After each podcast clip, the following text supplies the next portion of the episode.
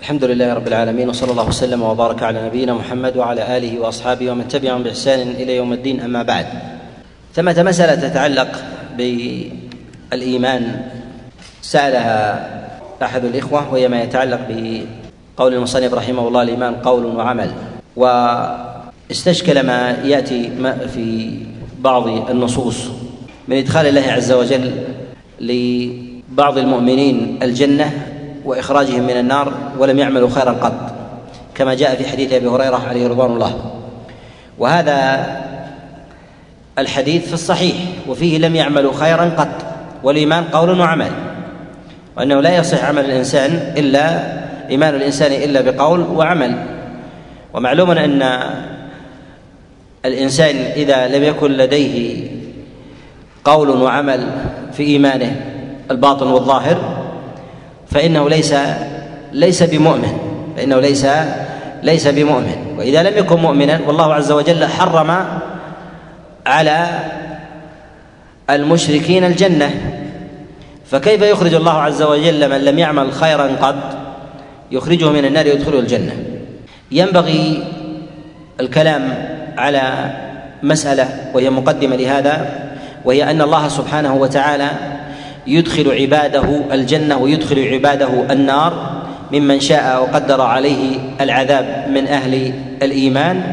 و من قضى الله عز وجل عليه الكفر وعذبه به وعذبه سبحانه وتعالى به يدخلهم النار بالأفعال والتروك لدينا أفعال أفعال وتروك الأفعال والتروك يستقل الناس فيها ويستكثرون. فمنهم من من يستكثر من أمور الأفعال ومنهم من يقل منها ومنهم من يستكثر من أمور التروك مخلصا ومنهم من يقع في المحرمات من يقع في المحرمات. قد يستوجب بعض العباد دخول الجنة بالتروك مع قلة في الأفعال مع قلة في الأفعال. وذلك أنه ترك المحرمات وترك الموبقات وترك المهلكات ولكن لديه عمل قليل. فعظم لديه الترك وقل لديه الفعل. فعظم لديه الترك وقل لديه لديه الفعل. وقد يدخل الله سبحانه وتعالى بعض عباده بفعل المحرم بفعل المحرم ويوجد لديه عمل صالح ويوجد لديه عمل عمل صالح. وقد يدخل الله سبحانه وتعالى بعض عباده بالترك وهو يقابل دخول الجنة بترك الطاعات ومع أنه لم يفعل لم يفعل المحرمات لم يفعل المحرمات. فيكون لديه ترك الطاعات كثيرا وفعل المحرمات قليلا. والناس في ذلك بين مستقل بين مستقل ومستكثر. إذا أدركنا هذه المسألة نفرق بين الفعل الذي يبادر به الإنسان من جهة العمل وهو المقصود لدينا في فهم في مسألة مسألة الإيمان وبين ما يتعلق بمسألة بمسألة التروك. إذا أدركنا هذا الأصل ننتقل إلى معنى معنى آخر. ينبغي أن نتكلم فيه في هذه المسألة. وهذا المعنى وهو أن الله سبحانه وتعالى قد فطر الناس على فطرة صحيحة مستقيمة. وهذه الفطرة ما جبلهم عليها من إدراك بعض المحرمات بلا نص. يفهمون المحرم بلا بلا نص من الوحي.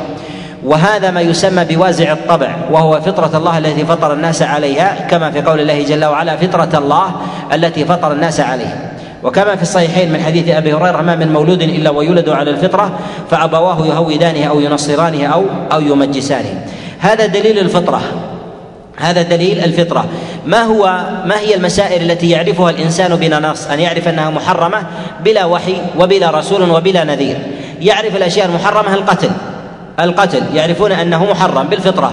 ويعرفون أيضا أن السرقة أخذ المال من الناس محرم. ولا يحتاج إلى ولا يحتاج إلى نص. وجاء النص في ذلك مؤكدا ومعظما. وجاء النص في ذلك مؤكدا مؤكدا ومعظما. والنوع الثاني وهو دليل الشرع. دليل الطبع هو النوع الأول وهو دليل الفطرة. النوع الثاني هو دليل الشرع. دليل الشرع الذي لا يمكن لأحد من الناس أن يعلم التشريع به فطرة وإنما لابد من دليل من الشرع يبينه الوحي من الكتاب والسنة. دليل الشرع في هذا وهو كثير من الشرائع. الإنسان يولد ويكبر ولا يعلم أحكام الصلاة. هل يمكن أن يعلم الصلاة بالطبع والفطرة؟ لا يمكن أن يعلمها. لكن يعلم أن ثمة خالق يستحق التذلل والتعبد والخضوع والطاعة له لكن كيف يطيع؟ لا يعرف هذا. وتأتي الشريعة ببيان هذه ببيان هذه الأحكام. كذلك أيضا محرمات لا يدل عليها دليل الطبع. لا يدل عليها دليل الطبع ويدل عليها دليل دليل الشرع يدل عليها دليل الشرع. دليل الشرع في هذا كلبس الذهب والفضة مثلا من المنهيات للرجال هذا لا يدل عليه غالبا دليل دليل الفطرة وإنما لابد من دليل من دليل الشرع. الأكل باليمين والنهي عن الأكل بالشمال وغير ذلك هذه لابد فيها من دليل من دليل الشرع لا يدل عليها دليل دليل الطبع. الله سبحانه وتعالى يعاقب عباده بالأمرين. بدليل الطبع وبدليل وبدليل الشرع. ولهذا الإنسان إذا كان مشركا الإنسان إذا كان إذا كان مشركا. أو مثلا يزعم أن لا خالق وهو وهو ملحد.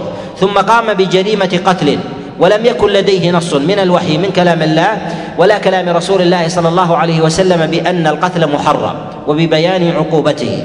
الله سبحانه وتعالى يوم القيامة هل يؤاخذه على القتل أم لا يؤاخذه عليه؟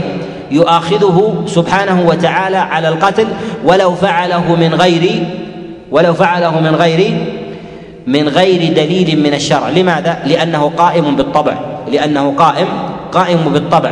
ولهذا ينزل الخلق عليه العقوبة فيما بينهم. إذا قتل فإنهم ينزلون عليه عليه العقوبة بذلك لأن هذا الأمر معلوم ب معلوم بالطبع. كذلك أيضا ما يكون من السرقة والاغتصاب وغير ذلك المعروف في في الطبائع. ولهذا تجد الناس على اختلاف شرائعهم ومللهم سواء كانت سماوية محرفه أو محكمة أو كانوا أيضا من أهل الاختراع والابتداع للملل الذين يعبدون الأصنام والأوثان. تجد أنه كل الفطر تحرم القتل وتحرم السرقة وتحرم غصب الناس أخذ أموالهم وغير ذلك وضرب أبشارهم وغير هذا يحرمونه لأن دليل الطبع في ذلك قائم. لأن دليل الطبع في ذلك في ذلك قائم. إذا وجد مسلم من المسلمين يشهد أن لا إله إلا الله وأن محمد رسول الله ولم يرد إليه من نصوص الشرع إلا شيء يسير إلا شيء يسير. يقوم به يقوم بما بما أتى. أو ربما لم يأته شيء من من الأدلة إلا ما ينطق بلا إله إلا الله محمد رسول الله ولم يأته بشيء من تفصيلها. ثم قام بالقتل ثم قام بالقتل. هل يعاقبه الله عز وجل يوم القيامة بالقتل؟ مع أنه لم يأتي دليل من النص من الوحي ولا من أيضا من السنة أن القتل حرام. هل يعاقبه الله عز وجل بالقتل يوم القيامة أو لا يعاقبه؟ يعاقبه بالقتل. لماذا؟ لأن دليل الفطرة قائم فيه لأن دليل الفطرة قائم فيه. ودليل الطبع تارة يكون في الإنسان أقوى من دليل الشرع أقوى من دليل الشرع. والله الذي أوجد دليل الطبع في الإنسان هو الذي أنزل دليل الشرع على على النبي صلى الله عليه وسلم ليبلغه ليبلغه الإنسان ولهذا تقوم الحجة على من؟ تقوم الحجة على الإنسان بالدليلين بدليل الطبع ودليل ودليل الشرع بدليل الطبع ودليل الشرع. ولهذا جعل الله سبحانه وتعالى دليل الطبع على الإنسان في فطر فيما فطرهم عليه من الإيمان بوحدانيته حينما أخرج من آدم ذريته وأشهدهم على أنفسهم ألست بربكم؟ قالوا بلى. هذا الإشهاد وهو دليل الطبع وهو الإيمان بوحدانية الله سبحانه وتعالى يقيم الحجة الله عز وجل على عباده يوم القيامة بهذا الدليل. بهذا الدليل أنك خلقت ومطبوع على الإيمان بالخالق. فلماذا تجحد الحقيقة التي يؤمن بها العقل ويؤمن بها السمع والبصر من جهه من جهة ما يشاهده؟ فلماذا تكفر بها؟ فدليلها في ذلك قائم لكن ما يتعدى عن هذا وهو كيف يعبد الخالق؟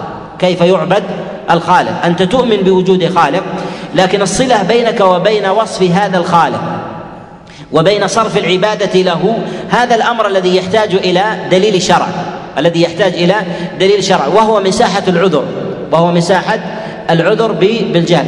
ولهذا لا يعذر الملحد بلغه الدليل أو لم يبلغه الدليل. لماذا؟ لأنه يقوم فيه قائم الطبع قائم الطبع. ولهذا يأتي شخص يقول لا أؤمن بوجود خالق.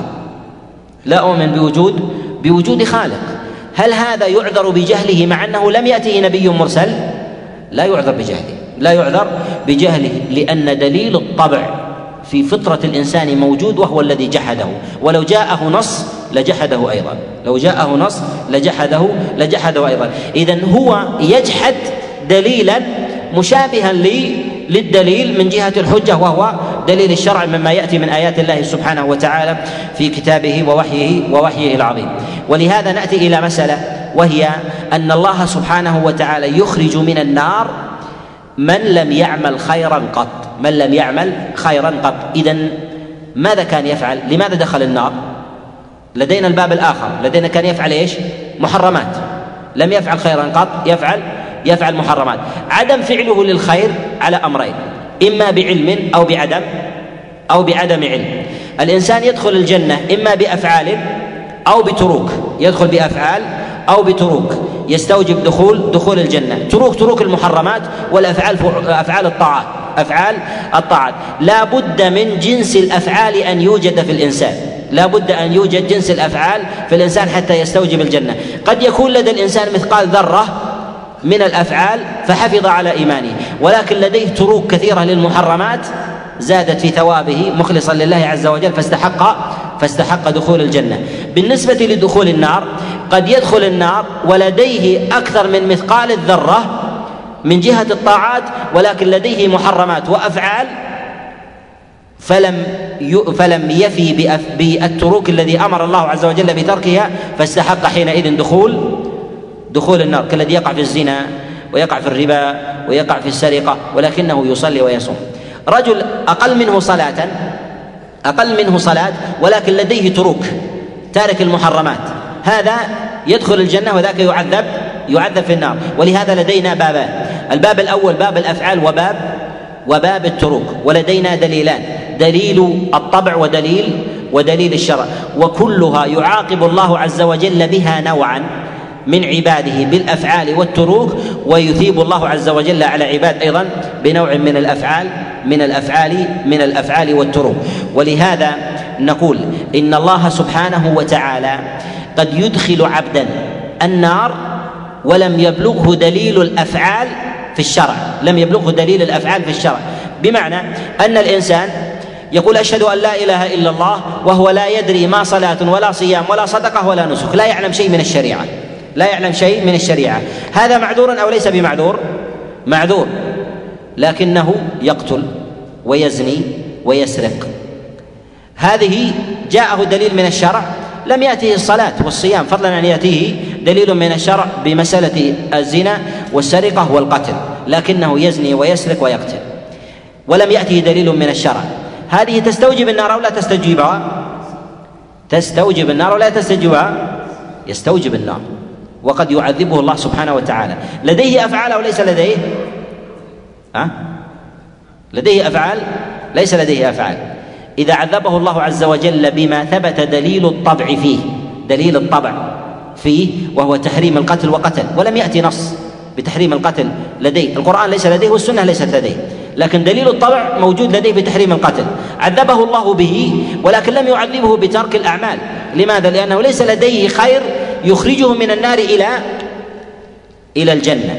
ولما عذبه الله بالقتل وعذبه بالزنا وعذبه بالسرقة وعاقبه فيها ومحصه هل لديه عمل خير؟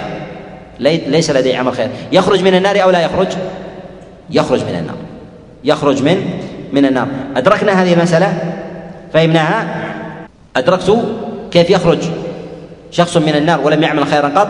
هذا توجيه. يؤيده حديث حذيفة عند عند ابن ماجه وكذلك عند الحاكم في المستدرك أنه قال يدرس الإسلام جاء مرفوعا يدرس الإسلام كما يدرس وشي الثوب. يعني يدفن تطمس معالمه. حتى لا يدرى ما صلاة ولا صيام ولا صدقة ولا نسك. إلا أقوام يقولون لا إله إلا الله سمعنا آباءنا يقولون ونحن نقوله هذا لديه قول لديه عمل أو ليس لديه عمل؟ ليس لديه عمل. قال لحذيفة قال ما ما ما تفعل به لا إله إلا الله؟ قال تنجيه من النار لا أبا لك. تنجيه من النار؟ لا أبا لك. لهذا نقول إن الإنسان الذي ليس لديه علم بالأفعال لديه ليس لديه علم بالأفعال يعذر بعدم فعله لعدم علمه لعدم لعدم علمه. وكيف يدخل النار؟ بالأفعال التي دل عليها الطبع. دل عليها الطبع. ولهذا تأتي في الأرض من مشرقها ومغربها اسأل أي شخص عن حكم القتل. يقول لك محرم. ولو طبعا السرقة محرم تأخذ امام الناس الضرب محرم. يؤمنون بهذا. من الذي جعلهم يؤمنون؟ دليل أوجده الله في الناس كما أنزل الوحي. كما أنزل الوحي. لماذا؟ حتى يؤيد الله عز وجل الوحي بالطبع. ولهذا تنحرف بعض الفطر. ينحرفون بعض الفطر وتجد أنهم يجعلون الزنا حلال. هذه فطر مبدلة كما تبدل الشرائع. كما تبدل الشرائع تبدل كذلك الفطر تبدل الفطر. أيضا من الأمور التي يوجه فيها هذا أن العرب قد تستعمل قولهم لم يعمل خيرا قط أو لم يرى شيئا قط لشدة لشدة ما يخالفه. ولهذا جاء في الحديث في الرجل الذي يغمس في النار غمسة. هل مر بك نعيم قط؟ فيقول لا. أو يغمس في الجنة غمسة. أبأس الناس؟ فيقول هل مر بك بؤس قط؟ فيقول لا. هل هذا كلامه صحيح وليس بصحيح؟ كلامه في قوله لم يمر به بؤس قط ولم يمر به نعيم قط. معناه في ذلك أنه رأى نعيما لعظمته تضاءل لديه ما مر به. تضاءل لديه ما مر به. ولهذا قد يستعمل في لغة العرب أنه لم يفعل خيرا قط لعظم السيئات في مقام في مقام الحسنات. وهذا أسلوب عربي ولهذا أمثال هذه النصوص لا نضرب بها المحكم. لا نضرب بها لا نضرب بها المحكم وإنما نفسرها ونبينها على ما جاء على ما جاء في أصول الشريعة العامة. ونفهم بالتفصيل والتأصيل الأول مسألة من المسائل المهمة وهي مسألة العذر بالجهل. وهي مسألة العذر بالجهل. العذر بالجهل ثمة أشياء ما دل عليه دليل الطبع الأصل ألا يعذر به أحد. شخص يقول أنا ملحد نقول هذا دل عليه دليل الطبع. لسنا بحاجة لست بحاجة لا لمحمد ولا لعيسى ولا لموسى. لست بحاجة إلى شيء. دليل الطبع قام في هذا الأمر. القتل يعاقب. لو جاءنا رجل الآن جاءنا رجل وقال وقيل أن أني قتلت فلان. ولم يبلغني دليل من الكتاب والسنة عن هذا. هل يقام عليه الحد أو لا يقام عليه؟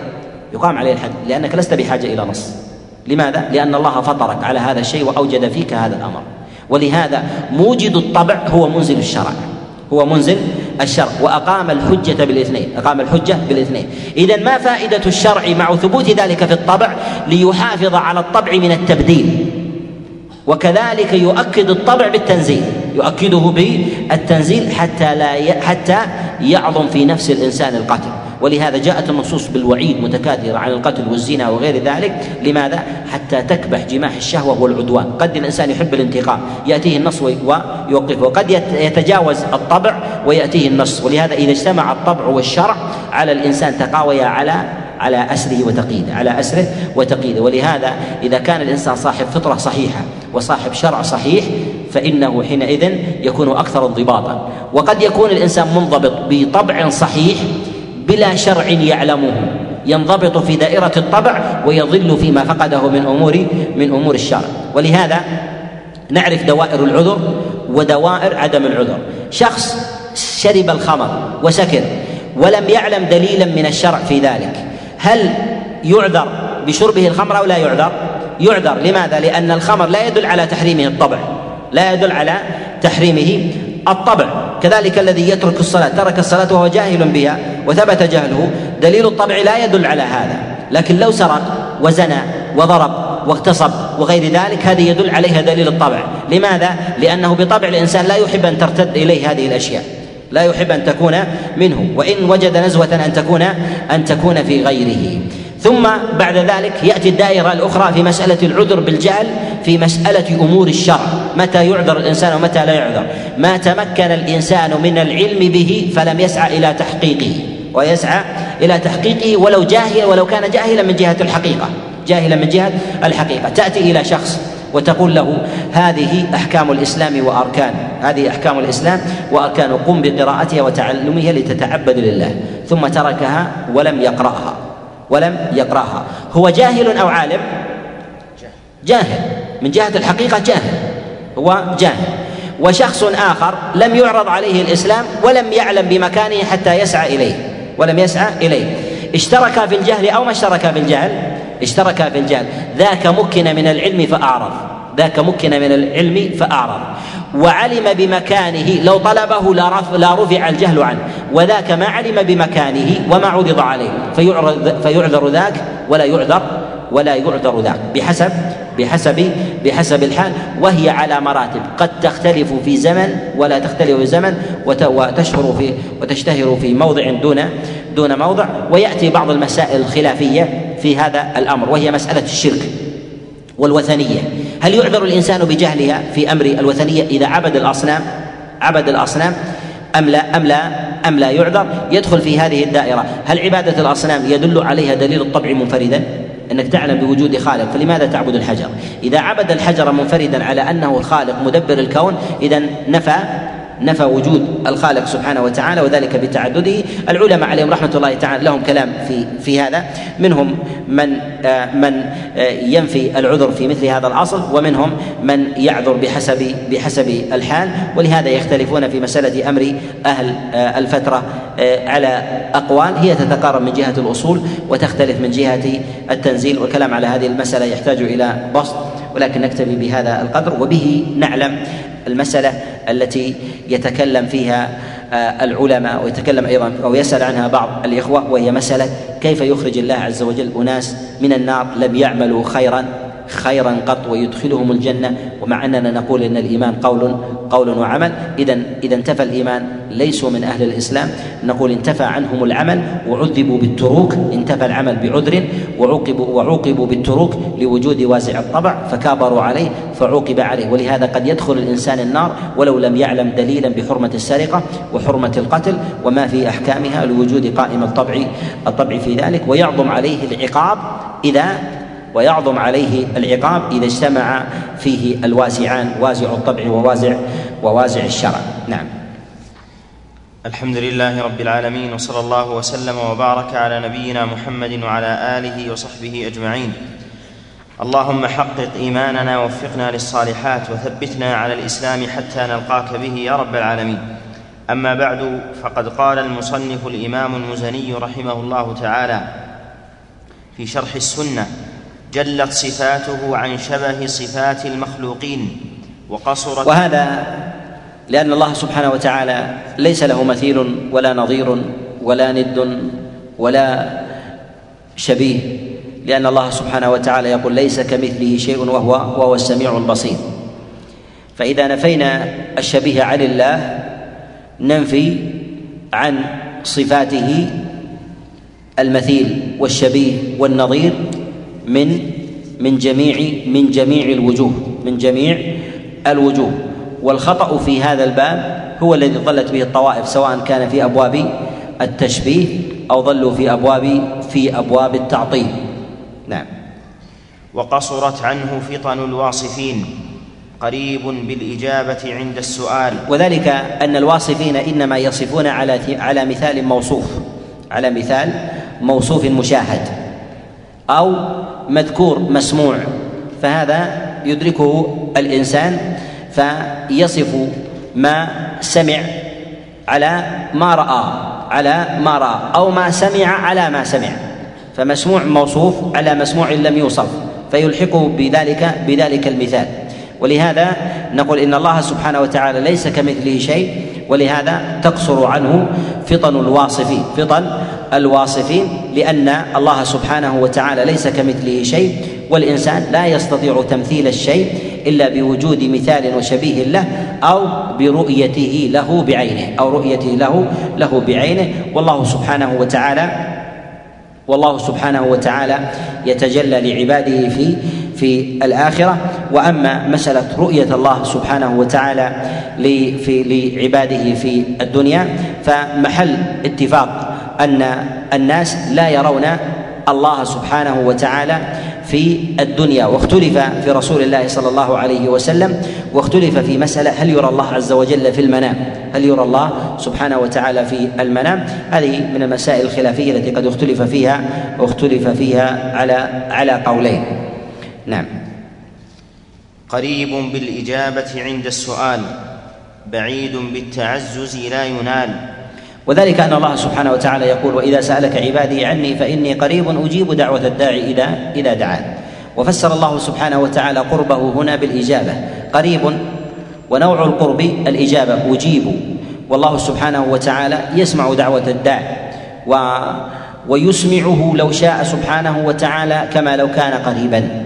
ولهذا الله سبحانه وتعالى يخاطب الناس يوم القيامة فيسمع البعيد كما يسمع القريب كما يسمع القريب وبصوت واحد. ولهذا جاء في المسند وغيره من حديث جابر بن عبد الله عن عبد الله بن أنيس أنه قال قال رسول الله صلى الله عليه وسلم يحشر العباد يوم القيامة حفاة عراة غرلا فيناديهم الله عز وجل بصوت يسمعه من بعد كما يسمعه من قرب. فيقول أنا الملك أنا الديان لا ينبغي لأحد من أهل النار أن يدخل النار وله عند أحد من أهل الجنة حق حتى اقص منه حتى اللطمة ولا ينبغي لأحد من أهل الجنة أن يدخل الجنة وعليه لأحد من أهل النار حق حتى اقص منه حتى حتى اللطمة. الحديث وأصله في البخاري في البخاري معلق علقه البخاري رحمه الله في كتاب في كتاب العلم.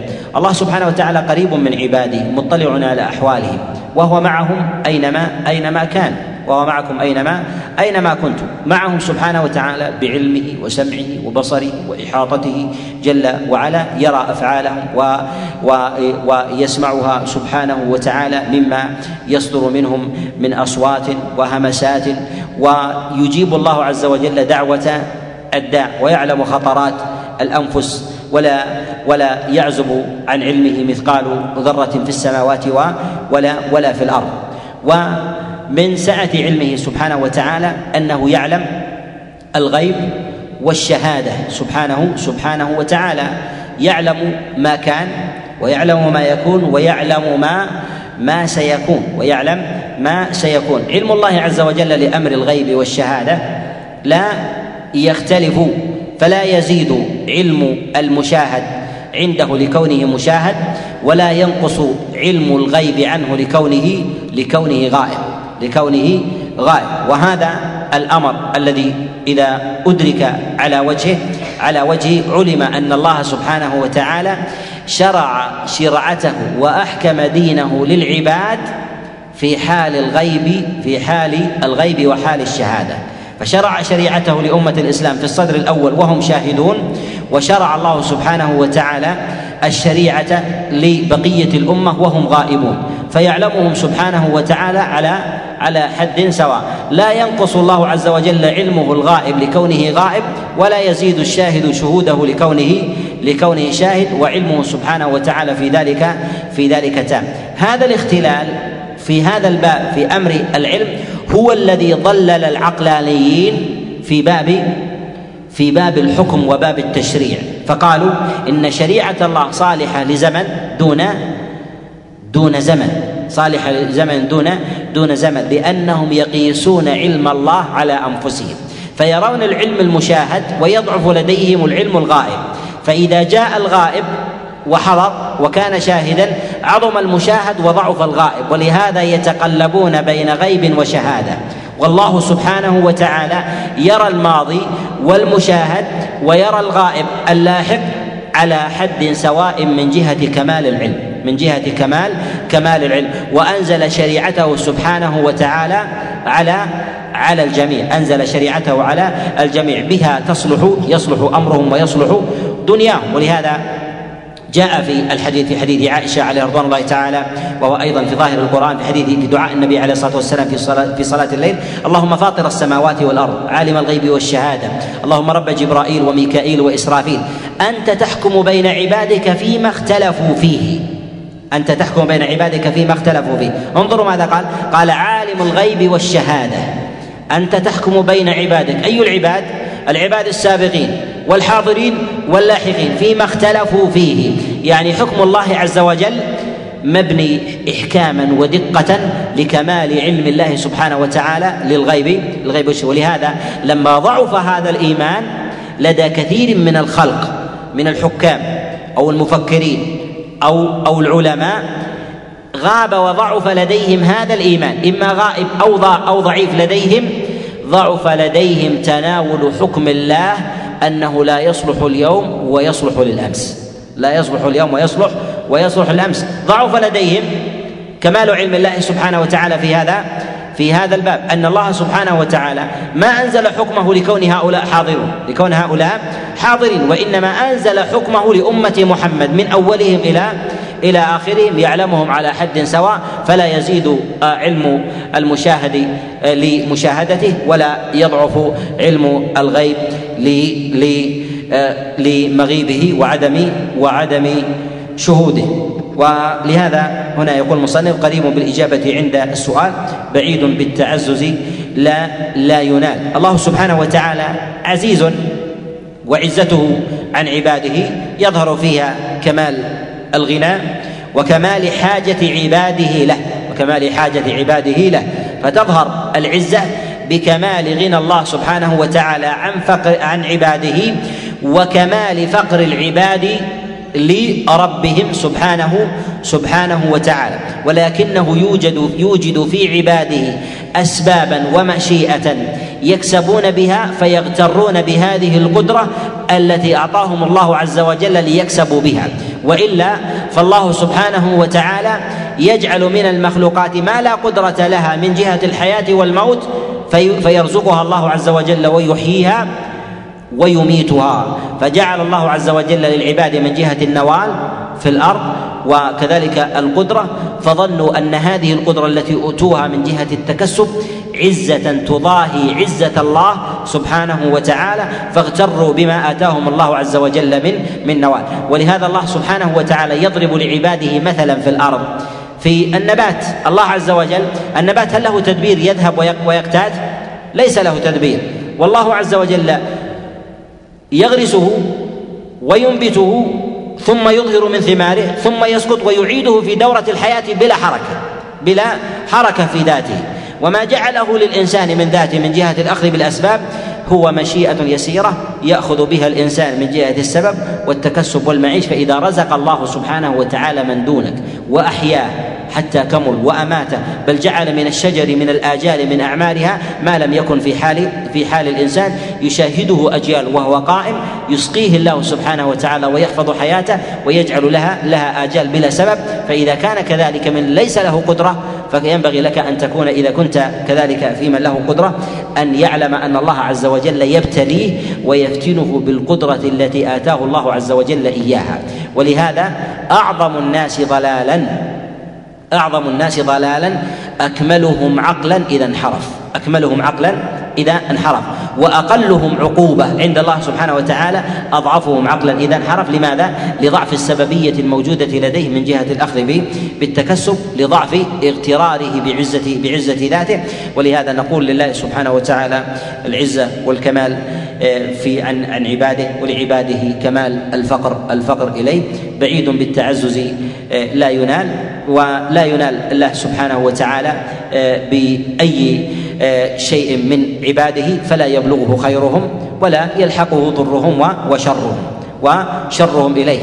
فالنفوس ما تكسب على نفسها وما تكسب أيضا لخير فلها. ولهذا نقول إن الله سبحانه وتعالى لا يضره أحد من عباده. لا يضر أحد من عباده.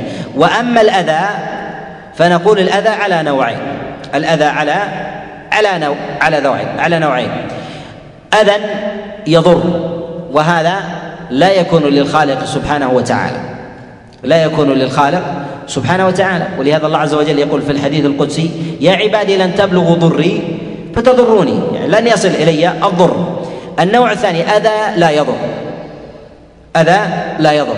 وهذا كما جاء في الحديث يؤذيني ابن آدم يسب الدهر وأنا وأنا وأنا الدهر. يسب الدهر وأنا وأنا الدار. ولهذا نقول الله سبحانه وتعالى لا يضره أحد من عباده بسوء أو بشر ولا ينفعه أحد من عباده بخير بخير آه، بخير يفعله. فإن أحسن فلنفسه وإن أساء وإن أساء فعليها.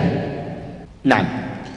قال رحمه الله عال على عرشه بائن من خلقه موجود وليس بمعدوم ولا بمعدوم تقدم الكلام على العلو علو الله سبحانه وتعالى وأن علو الله عز وجل على على نوعين. علو الله عز وجل على عرشه وفي السماء والعرش فوق السماء السابعة. والله عز وجل مستوى على عرشه استواء يليق بجلاله. الرحمن على العرش استوى.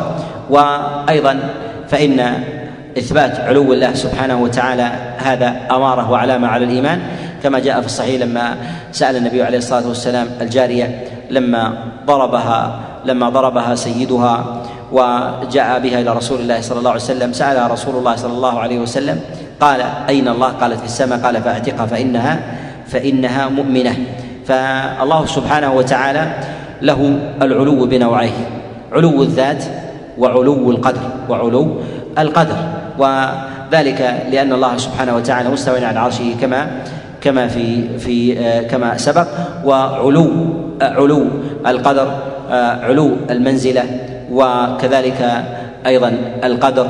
فإن الله سبحانه وتعالى له الكمال في أسمائه وصفاته عزة وكذلك الإذلال لمن شاء القدرة الرحمة واللطف والرزق. والإحياء والإماتة له الكمال في ذلك سبحانه سبحانه وتعالى. قوله بائن بائن من خلقه.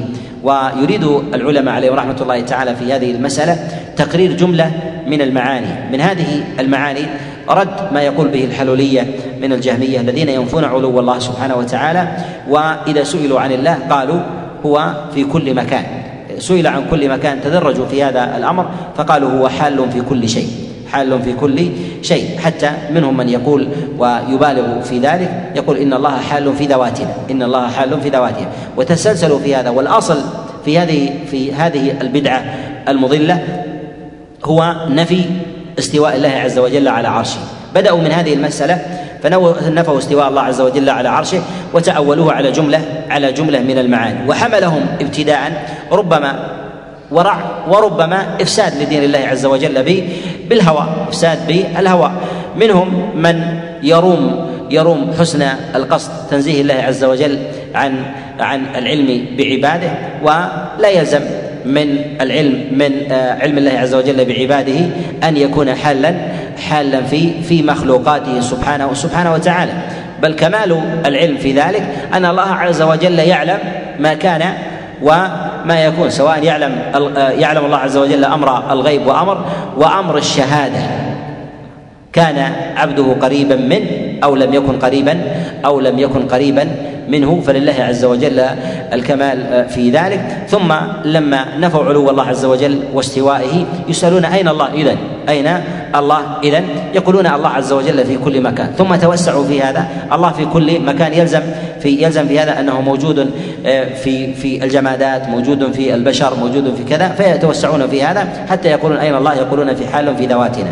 حتى التزموا فيما هو أبعد من ذلك فيما هو أبعد من ذلك في مسألة حلول الله عز وجل فيما يستقدر. هل الله حال فيه أو ليس بحال فيه؟ في مسائل المزابل وكذلك أيضا في ما ما يتوحش الناس منه في أمور المقابر أو الحمامات وغير ذلك تعالى الله عز وجل علوا علوا كبيرا. فبلغ بهم بهم الضلال في هذا الباب حتى قالوا ما في الحش إلا الله. أو منهم حتى منهم من بلغت الضلال أن يمر بجيفة كلب يقول الله ها هنا. يعني حتى أن الله عز وجل يحل في هذه في هذه الأشياء. فأوغلوا في هذا. حتى بشر المريسي في هذا كان إذا سجد لشدة انحرافه وإيمانه بهذا الضلال إذا سجد يقول سبحان ربي الأسفل. تعالى الله عز وجل عن ذلك علوا كبيرا لنفيه علو الله عز وجل على عرشه. وهذا وهذا وهذا كفر بالله سبحانه سبحانه وتعالى. ولهذا نقول ان إن المؤمن لا يسلم له دينه حتى يمر نصوص الشريعة كما جاءت فيثبت لله عز وجل علوه واستواءه سبحانه وتعالى على عرشه ويثبت لله عز وجل علمه وإحاطته بخلقه وكماله سبحانه وتعالى في ذلك. ويمسك عما عدا ويمسك عما عدا ذلك. فالالتزام في أمثال هذه التفاصيل أدخل كثير من الطوائف في دائرة الزندقة والإلحاد حتى منهم من نفى الكفر فجعل الناس كلهم مؤمنون وكلهم في الجنة وكلهم في الجنة. فيقول إذا كان الله عز وجل يحل في عباده وحال في كل مكان فكيف يعذب الله عز وجل من هو حال؟ فكيف يعذب الله من هو حال فيه؟ وكذلك أيضا في الأصنام. إذا كان الله عز وجل يحل في كل مكان فيلزم من ذلك أنه حال في الأصنام. فمن سجد لصنمه ويسجد لله لا يسجد لله فهو ما عبد إلا الله. فما عبد إلا الله. ثم يبحثون إلى التماس الأقوال في هذا في هذا الأمر فيلتمسون في قول الله عز وجل وقضى ربك ألا تعبدوا إلا إياه وبالوالدين إحسانا. قضى يعني قدر. فالله قدر على عباده أن يعبدوه سبحانه. فمن سجد للصنم فلا يعبد إلا الله لأن الله قدر عليه. ولو نظروا في تكملة الآية. وقضى ربك ألا تعبدوا إلا إياه وبالوالدين احسانا فيلزم الناس أن الرجل إذا ضرب أمه وأباه أنه بار به لأن الله قدر عليه هذا هذا الشيء. هل يقول بذلك عاقل؟ لا يقول بذلك بذلك عاقل. فالذي قدر عبادة الله هو الذي قدر طاعة طاعة الوالدين إذا كان تقديرا. ولهذا تفسير القضاء هنا أن القضاء على نوعين قضاء قدري كوني وقضاء شرعي. والقضاء الشرعي هو المراد في هذه الآية وقضى ربك ألا تعبدوا إلا إياه يعني وصى وأمر. كما فسر ذلك جماعة كعبد الله بن مسعود وعبد الله بن عباس وغيرهم أن المراد بالقضاء هنا هو الأمر أي أمركم الله. بتوحيده سبحانه وتعالى وببر وببر الوالدين. ولكن قد يقع من العباد شيء من ذلك باذنه بإذنه سبحانه سبحانه وتعالى. ويوغلون في هذا الباب حتى دخلوا بتعطيل أحكام الله سبحانه وتعالى. فتعطيل أحكام الله كيف يقتص من الضارب وكذلك أيضا في مسائل في مسائل النكاح وغير ذلك. أذابوا وجعلوا الأمور أن يكون النكاح فيما فيما شاء. حتى بلغوا في هذا ما يسمى ب بالحلول بالحلول والفناء. والفناء في بعضهم يعني أن الكون قطعة واحدة. أن الكون قطعه قطعة واحدة فلم يكن ثمة مقام للتحريم. فحتى يتخيل بعضهم أن الذي أمامه هو وأن الذي وأن هو الذي امامه حتى ذكر بعض الأئمة أن أحدهم كان واقفا على نهر فسقط صاحبه بجواره فلحقه فقال سقطت أنت فظننتك انك أنا. يعني أن كنا نظن أن بعض فسقطنا جميعا. وهذا نوع من الهوس في هذا في هذا الباب. بدأوا من الضلال بماذا؟ بدأوا من الضلال بنفي العلو انظر إلى أين تسلسلوا وانتهى وانتهى في هذا. ولهذا نقول دائما أن البدعة في بدايتها لا ينظر الإنسان إلى لوازمها ثم تنتهي به إلى ضلال تنتهي به به إلى ضلال. قد لا تنتهي به في العقد الأول ولا العقد الثاني بل تنتهي به إلى ما بعد إلى ما بعد ذلك. أما تجد العقيدة الصحيحة فهي سالمة تلتزم بها ولو مضى عليك قرون ولو مضى عليك قرون. انظروا إلى بدعة الرفض. بدعة الرفض في هذا لما بدأوا في مسألة عصمة الأئمة عصمة الأئمة وأن الإمام هو النائب عن الله وهو الذي يبلغ عن الله لأنهم يحتاجون إلى مشرع. إذا كذبوا الصحابة وافتروا عليهم يحتاجون إلى مشرع يبلغ عن الله. من أين يأخذون الشريعة؟ ياخذونها من الإمام. فجعلوا عصمة الأئمة. وجد الإمام ولد للثاني ولد للثالث ولد للرابع. وجدوا إماما لم يولد له. توقف. حينئذ تعطل مسألة التشريع. تعطل مسألة التشريع. ابتدعوا. هل يرجعون إلى صحة العقيدة؟ كابروا وأحدثوا مسألة الغيبة. قالوا ولد له ولكنه دخل في السرداب. ثم بقي في هذا الأمر دخلوا في دائرة في هذه الدائرة إلى إلى ما شاء الله سبحانه وتعالى. ولهذا نقول إن عقائد الضلال يتولد فيها الضلال ولهذا تشعب الضلال عند الرافضة. دخل في السرداب بقي لديهم هو داخل في السرداب من الوسيط إليه؟ كل يبتكر أنه رآه وأصبح الوسائط لديه شعب. لا أحد يستطيع أن يكذب هذا لأنه لو كذبتني كذبتك.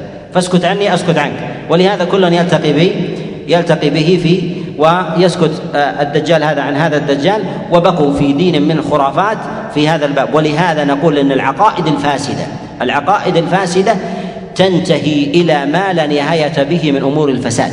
والعقائد الصحيحة تبقى على صواب ولا يحدث فيها فساد إلى إلى أن يرث الله عز وجل دينه سبحانه وتعالى والأرض ومن ومن عليها. ولهذا هنا في كلام المصنف رحمه الله بائن من خلقه. أراد أن يبين أن ما عليه أهل الضلال من الجهمية وغيرهم الذين يقولون إن الله عز وجل حال في كل مكان أراد أن يبين أن الله سبحانه وتعالى مستو عن عرشه بائن من خلقه.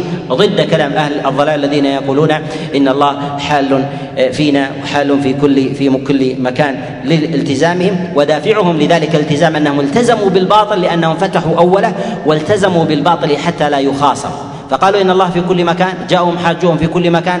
هل يشغل من مكان؟ لأن إذا قلت أنه لا يوجد في مكان فما المانع أن لا يوجد في غيره أن لا يوجد في غيره. هل يوجد في ذواتنا؟ قلنا في ذواتنا في أمور النجاسات هل يوجد؟ ما يوجد. لا لا يريدون أن يجعلوا بابا يلتزمون به ف اندرجوا في هذا في هذا الباب ووقعوا في ضلال في ضلال مبين. نعم. قال رحمه الله والخلق ميتون بآجالهم عند نفاد أرزاقهم وانقطاع آثارهم. ثم هم ثم هم بعد الضغطة في القبور مساءلون. وهنا في قول المصنف رحمه الله موجود وليس بمعدوم ولا بمفقود. هذا طبعا كلمة الموجود.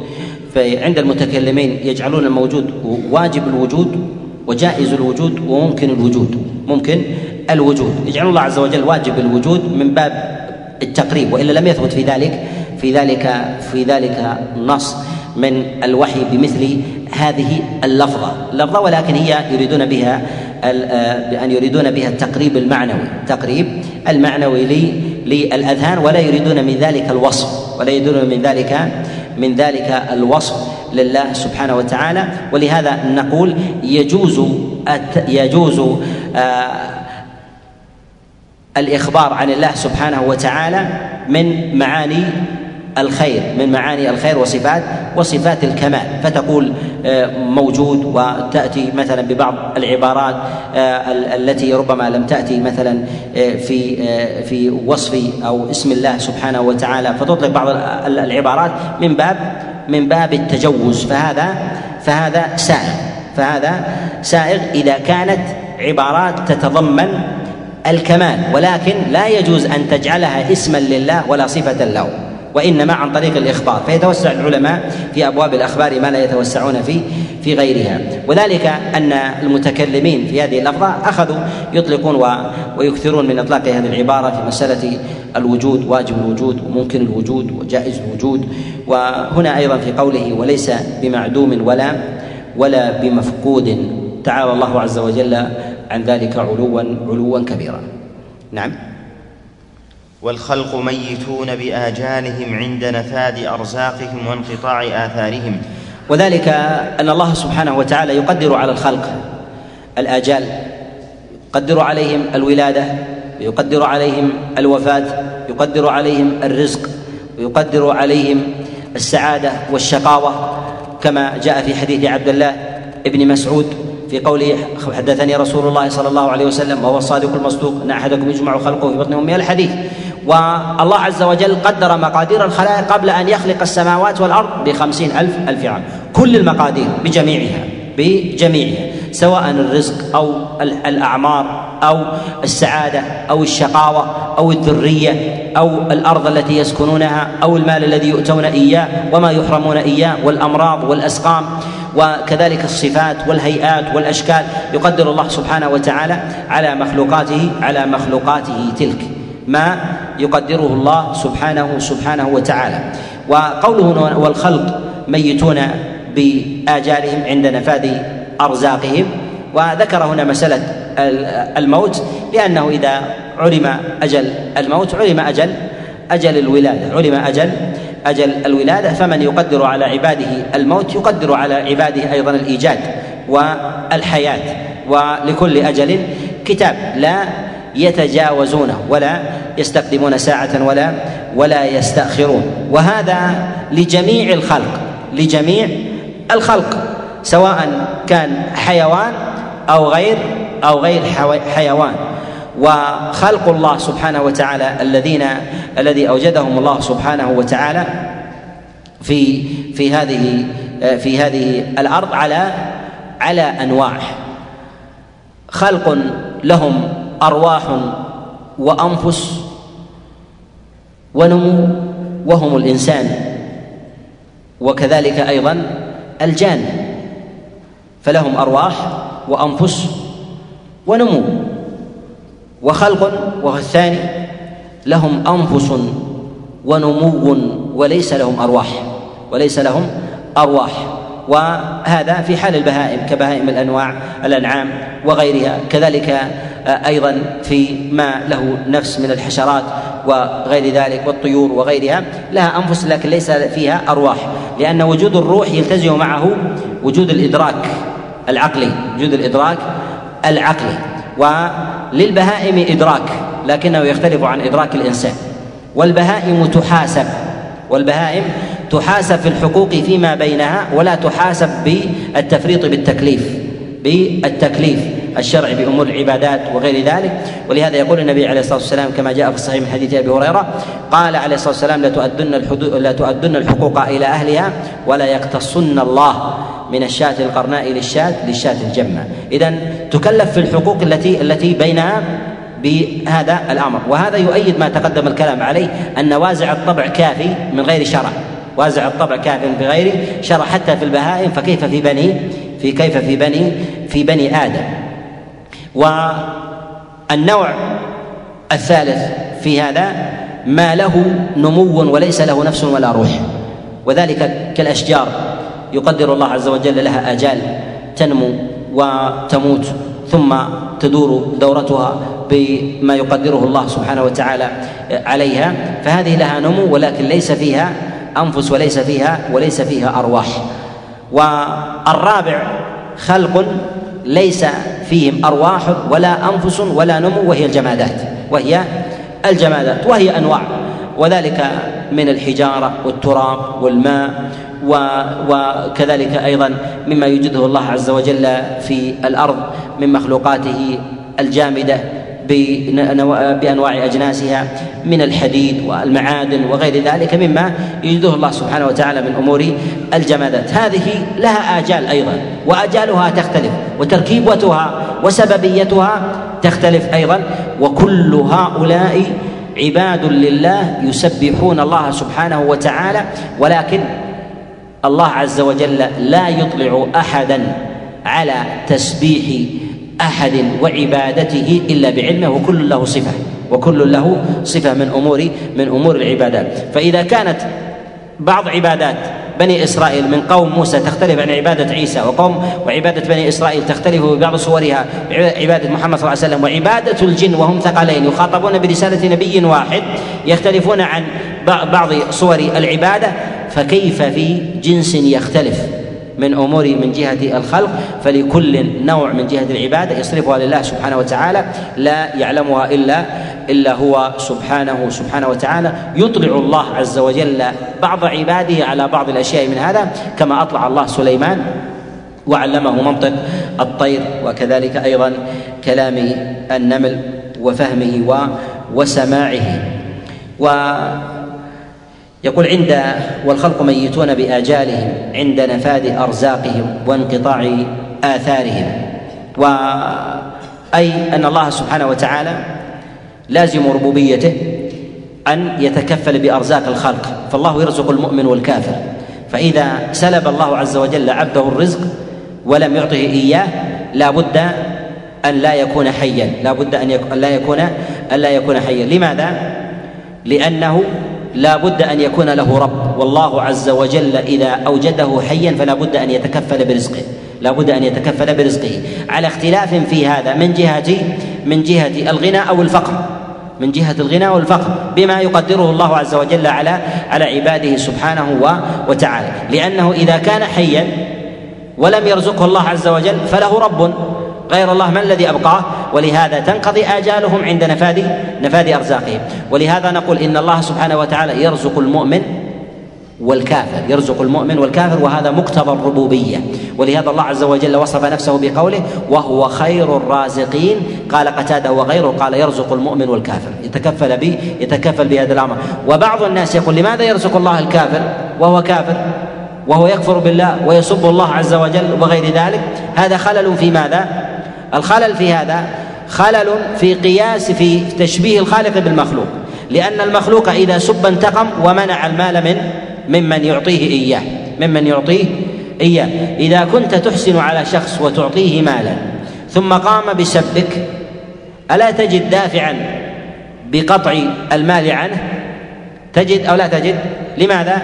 لأنك تتألم تريد انتصارا لنفسك. الله لا يتألم ولا يضره فعل العباد. يكفرون لأنفسهم ويحسنون على على أنفسهم. ولهذا يرزق الله عز وجل الكافر ويرزق المؤمن لأن الحسنة له والسيئه والسيئة عليه. والسيئة عليه. وهذا يوجد نوع منه مع ضعف في البشر وذلك أن الإنسان في جانب في جانب انتصاره لنفسه ينتصر ممن يؤذيه ولا ينتصر ممن لا ممن لا يؤذيه ولو اشترك في الأذية ولو اشترك في الأذية. إذا سبك طفل عمره ثلاث سنوات سبك بكلمة فقال يا كذا. وسبك رجل عمره عشرين فقال يا كذا. أيهما أقرب إلى انتقامك؟ ها؟ لماذا؟ لأنه أوجد في نفسك ألم وتعلم أنه قاصد. لكن الصغير ربما يذب عليك كلمة وتقوم بالمسح برأسه وتعطيه حلوى. أليس كذلك؟ لماذا تشفق عليه؟ لأنك ترى أن بينك وبينه بون شاسع. هذا مخلوق مع مخلوق. مخلوق مع مع مخلوق. فكيف بالخالق الذي له المثل الأعلى وليس له مثيل سبحانه وتعالى؟ أن يسيء المخلوق لله فيمزق المصحف ويسب الله ثم تجد أن الله يعطيه ما لذ وطاب أمامه. ما لذ وطاب أمامه. لماذا؟ لأن الله عز وجل لا يتضرر بهذا الشيء. الضرر عليك أنت. الضرر عليك عليك أنت. وهذا يجد الإنسان في نفسه. تجد الآن الذر النملة تأتي إلى قدمك وربما تلدغك وأنت لا تشعر ثم تذهب. ترى نفسها عند نفسها أنها منتصرة عليك لأنك ما تبعتها. وأنت ترى أن مقامك وجبروتك أكبر من أن تطارد هذه النملة. أليس كذلك؟ نعم. كذلك أيضا البعوضة تأتي إلى يدك وتقوم بلدغك ثم تطير وأنت تراها تطير. لا تتبعها وقارك. وإلا لا تتبعها ولا تتبعها؟ لا تتبعها. أدركتم؟ لماذا لم تنتصر؟ لها لأنها بعوضة وأنت إنسان. فكيف أنت ودنياك لا تساوي عند الله جناح بعوضة؟ أنت والدنيا لا تساوي عند الله جناح بعوضة. ولهذا تسأل الله لماذا يرزق الكافر وهو يسبه سبحانه وتعالى؟ لماذا؟ لأن الدنيا كلها ومن فيها لا يساوي عند الله جناح بعوضة التي لم تقم أنت لأجلها وأنت تضرر وعبد فقير. فكيف تريد من الخالق أن يمتنع عن رزق عبد سبه ولم يتضرر الله عز وجل من ذلك؟ يتضرر الله عز وجل لأن ضر ذلك على على الإنسان. ولهذا خلل الناس في إدراك حق الله سبحانه وتعالى. سبب هو التشبيه الذي لا يدركونه. منه ما هو بمقدار الشعرة ومنه ما يزيد. فإذا ضعف هذا الجانب لديه ضعف إيمانه بالله قوي إيمانه بالله سبحانه وتعالى. وإذا عظم لديه هذا الجانب وهو من حيث لا يشعر يدرك لأنه لأن الإنسان بطبعه التشبيه بطبعه التشبيه. دائم يحرص على التماثلات والمماثلات دائما يحرص على هذا على هذا الأمر. فتجد أنه يتوجس من شيء قد مر عليه في السابق وغير ذلك. يسير على المثال. ولهذا الإنسان يعتمد في علمه على المثليات يعتمد في علمه على المثليات. وأما الله سبحانه وتعالى فهو أوجد المخلوقات وهو يعلمها سبحانه وتعالى وليس بحاجة إلى مثال حتى يقيس يقيس عليه فيعلم الكائنات على سبيل الاستقلال بلا قياس بلا قياس سبحانه وتعالى. ولكن جعل الأمور المتماثلة ومتشابهة حتى يعلم العباد ويقيسون حتى حتى تستمر مصالحهم في هذه في هذه الأرض. قال رحمه الله: ثم هم بعد الضغطة في القبور مساءلون. وهنا يقول ثم هم بعد بعد الضغطة في القبور مساءلون. وذلك هي حياة البرزخ والإنسان لا بد أن يمر بهذه حياة ثم حياة برزخ ثم الحياة الآخرة والإنسان يعذب في قبره ويفتن يعذب في قبره ويفتن. عذاب القبر كما جاء في الصحيح وغيره. أن النبي عليه الصلاة والسلام كان يستعيذ في صلاته قبل السلام. اللهم إني أعوذ بك من عذاب القبر وعذاب النار. فاستعاذ النبي عليه الصلاة والسلام من عذاب القبر. وعذاب القبر يجعله الله سبحانه وتعالى على النفس والبدن ويجعله يجعله على الروح والبدن ويجعله على الروح ولا يجعله على البدن وحده لأن البدن لا يعذب إلا مع وجود الروح فيه مع وجود الروح فيه. فينزل الله عز وجل عذابه على الروح وينزل عذابه على الروح والبدن لأن البدن بالنسبة للروح كحال كحال البدن بالنسبة للقميص بالنسبة للقميص. الإنسان إذا نزع قميصه وأخرج جسده منه كحال الروح إذا انتزعها من الجسد إذا أخذ القميص ثم رماه ثم أحرق هل يتضرر؟ لا يتضرر لماذا؟ لأن جسده الذي يماثل روحه خرج خرج منه ولهذا يحرق الميت ولا يتضرر كحال القميص الذي يحرق أخرج من الجسد ولهذا الله سبحانه وتعالى يعذب الجسد والروح معا ويعذب الروح ولو لم يكن ولو لم تكن في في الجسد. ويعذب كما يعذب الجسد من باب التقريب كما يعذب الجسد ولو لم يكن فيه ولو لم يكن فيه قميص ويعذب الله عز وجل القميص والإنسان معا ولكن لا يعذب القميص بلا بلا جسد فيتضرر الإنسان الإنسان بذلك. وأما بالنسبة لفتنة القبر فالمؤمنون والكفار يفتنون في قبورهم. ومعنى الفتنة هي الاختبار. وهذا المقصود في قول الله عز وجل يثبت الله الذين آمنوا حياة الدنيا وفي الآخرة. الثبات في الآخرة وما يتعلق بالثبات في القبر عند السؤال. وقد جاء عن رسول الله صلى الله عليه وسلم من حديث ابن عمر قال ذكر رسول الله صلى الله عليه وسلم فتان القبور. ثم قال إن أرواحكم تعاد إليكم كهيئتكم اليوم كهيئتكم اليوم. فتعاد الأرواح في القبور للناس كهيئتهم ويقظتهم اليوم. ثم يسألون ثم يسألون عن الله من رب من ربه ومن رسوله ومن ومن وما دينه. فأما الثابت الواثق فإنه يجيب. وأما المتردد الذي يقلد فإنه يتردد وبقدر ضعفه وتقليده ونفاقه فإنه يكون تردده يكون تردده وكذلك إحجامه وربما أيضا خطأه في في ذلك. ولهذا جاء عن رسول الله صلى الله عليه وسلم تعظيم أمر القبر وشدة أمره وأنه أول منازل الآخرة وبه يعرف الإنسان مقعده من الجنة والنار. وقد جاء عن عثمان عليه رضوان الله أنه كان إذا رأى القبر بكى فقيل له إن نذكر عندك الجنة والنار ولا تبكي وإذا ذكرنا القبر بكيت قال إنه أول منازل الآخرة. وبه يعرف الإنسان موضعه من الجنة أو من النار. وهذا وهذا عظيم لأن الإنسان في أول ما يقبض تقبض روحه ثم يودع في آه، في يوضع في قبره يفتن إذا كان من أهل الجنة أري مكانه. وبهذا نعلم أن الله سبحانه وتعالى إنما يجري الكتبة على على عباده ويحصي عليهم ليعلموا.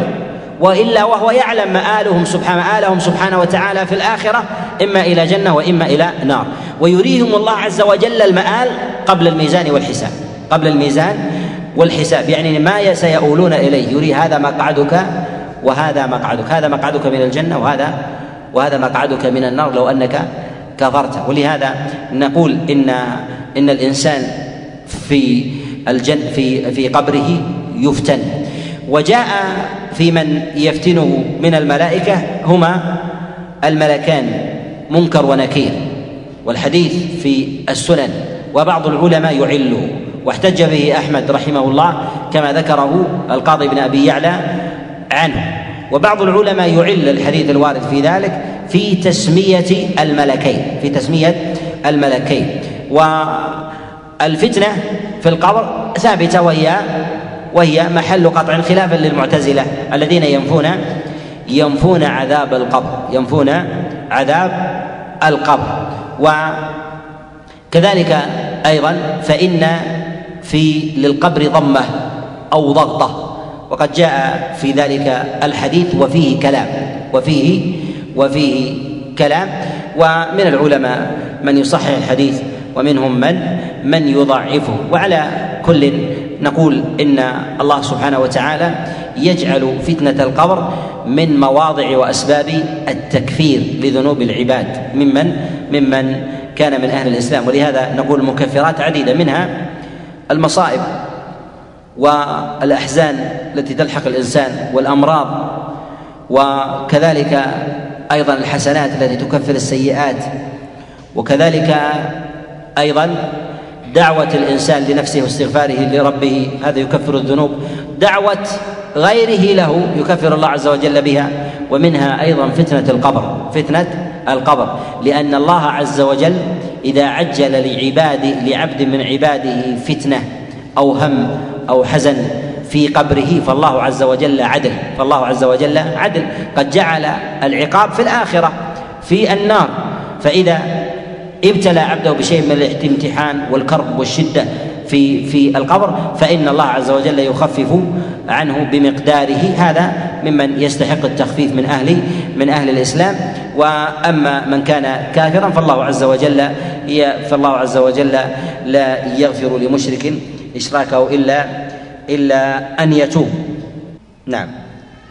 قال رحمه الله وبعد البلا منشورون ويوم القيامة. وأما العذاب بالنار في القبر فالأظهر أن الميت لا يعذب بالنار في قبره وإنما يفتن وإنما يفتن ويعذبه الله سبحانه وتعالى بغير بغير النار لماذا؟ لأن الله عز وجل يقول عن آل فرعون النار يعرضون عليها غدوا وعشيا يعرضون يعرضون عليها عرضا ولم ولم يدخلوها وهذا نوع من العذاب وهذا نوع من العذاب. وقد والله عز وجل يعذب الجسد لو شاء في القبر بالضغطة ونحوها أما النار فالله سبحانه وتعالى يعرضها لأن أشد الناس كفرا أو من أشد الناس كفرا فرعون وقومه. ومع ذلك الله سبحانه وتعالى يعرضهم على النار يعرضون على النار غدوا وعشيا. ويوم القيامة أدخلوا. إذا ثمة عرض وثمة إدخال. ثمة عرض وثمة إدخال. العرض يكون في القبر والإدخال يكون في في الآخرة بعد بعد البعث والنشور. نعم. ويوم القيامة إلى ربهم محشورون ولدى العرض عليه محاسبون. يقول هنا وبعد البلا منشورون. يعني بعدما تبلى أجسادهم ويقدر الله عز وجل عليهم ذلك وهذا وهذا هو الأصل. وهذا هو الأصل. وليس كل جسد يبلى. وليس كل جسد يبلى ولكن الأصل في الأجساد أنها تبلى. وممن لا يبلى في قبره أو ممن لم يبلى في جسده الأنبياء وقد جاء في ذلك جملة من الأحاديث في ذلك أن الله عز وجل حرم على الأم على الأرض أجساد الأنبياء يعني أن تأكلهم أن تأكلهم. وقد صنف في ذلك غير واحد من العلماء كالبيهقي رحمه الله له رسالة في حياة الأنبياء في قبورهم في حياة الأنبياء في قبورهم. جاء في ذلك جملة من الأحاديث واختلفوا في الأنبياء. هل هم أحياء في قبورهم أم ترد لهم الحياة وترجع وترد إليهم ثم تنزع تنزع منهم تنزع منهم. اختلف العلماء في ذلك. منهم من قال إنهم أحياء في قبورهم وينتصر لهذا جماعة كالبيهقي رحمه الله وصنف في ذلك رسالة حياة الأنبياء في قبورهم. ومن يقول بحياة الأنبياء يلزم من ذلك أن يقول ب أيضا من باب أولى لديه في مسألة الأجساد في مسألة الأجساد. ومن العلماء من يقول إن الله عز وجل يردها إذا شاءت وإلا فالاصل أنهم ليسوا ليسوا بإحياء في قبورهم. وهذا مقتضى القبض. وهذا مقتضى القبض. وكذلك أيضا مقتضى ما بعده من من البعث من البعث والنشور. وهل يدخل في في الانبياء يدخل في الأنبياء ما ما بعض الخلق كالأولياء وغير ذلك. بعض العلماء يقول هذا أن بعض الأولياء لا يعذبه الله سبحانه وتعالى. وقد جاء ذلك في في بعض في بعض الآثار وجاء في ذلك أيضا في قصة دانيال في عند ابن عساكر وغيره. ولا أعلم في ذلك نصا عن رسول الله صلى الله عليه وسلم أن الله عز وجل يحرم على غير الأنبياء أن يؤخذ ان أن تؤكل أجسادهم. جاء في ذلك عن الشهداء جاء عن ذلك في الأولياء أو غير ذلك وفيها وفيها كلام. وهنا يقول وبعد البلا منشورون ذكرنا أن هذا على على الأصل. قال ويوم القيامة إلى ربهم وربهم محشورون. الإيمان بالبعث والنشور ركن من أركان الإيمان لا يصح الإيمان إلا بذلك. ولهذا يقول النبي عليه الصلاة والسلام لما سئل عن الإيمان كما جاء في الصحيحين من حديث أبي هريرة قال الإيمان أن تؤمن بالله وملائكته وكتبه ورسله وبالقدر خيره وشره قال وبالبعث بعد الموت. البعث بعد الموت فمن شك بالبعث بعد الموت أو تردد في ذلك أو نفاه فهو كافر بالله سبحانه سبحانه وتعالى. سواء كان نفيه في ذلك نفيا لقدرة الله عز وجل على الإعادة. أو كان النفي بأن الله عز وجل خلق الخلق ليفنيهم لا ليعذبهم سبحانه وتعالى فكل ذلك كفر بالله كفر بالله جل وعلا.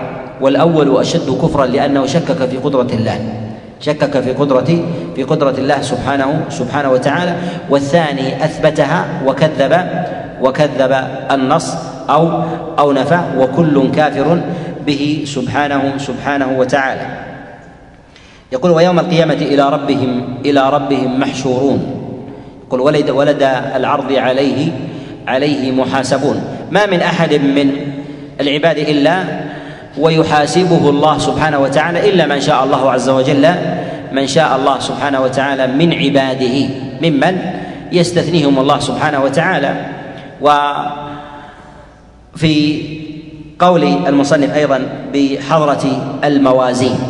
هل كل الخلق يوزنون وهل كل الخلق يحاسبون؟ قد جاء في حديث السبعين ألف الذين يدخلون الجنة بغير حساب ولا عذاب. بغير حساب يعني أنهم لا يحاسبون. إذا قلنا بذلك أنهم لا يحاسبون أن الأنبياء كذلك أيضا من باب أولى من باب أولى لأن هؤلاء إنما اكتسبوا عدم الحساب من اتباع الرسالة من اتباع الرسالة ولأسباب توفرت فيهم في أمر الاتباع. فإن الأنبياء من باب من باب أولى يدخلهم الله عز وجل الجنة بغير بغير حساب. قد جاء في الحديث أن الله عز وجل يدخل الجنة سبعين ألفا هذه الأمة سبعين ألفا من غير حساب ولا عذاب. قال ومع كل ألف سبعون سبعون ألفا وجاء في زيادة الحثيات وبعضهم يتكلم يتكلم فيه. والميزان له كفتان. والميزان له له كفتان. كفة للحسنات وكفة للسيئات. والله عز وجل ينصب الميزان يوم القيامة ليقيم الحجة على العباد. يقيم الحجة على العباد. وليعذبهم الله سبحانه وتعالى ويعلم بسبب عذابهم وهذا مقتضى عدله جل وعلا مقتضى عدله جل جل وعلا. وهذا إذا كان في عدل الخالق مع مخلوقيه فإنه في أمر المخلوقين من باب أولى في أمر المخلوقين من باب أولى. فلا يجوز للحاكم ولا للقاضي أن أن يعذب أو يعاقب أحدا إلا وقد أقام الحجة عليه بالبينة الظاهرة الظاهرة عليه. يبين بالحجة الظاهرة. قام عليك الحجة بكذا وكذا وكذا فما قولك؟ فهذا هذا أمر العدل.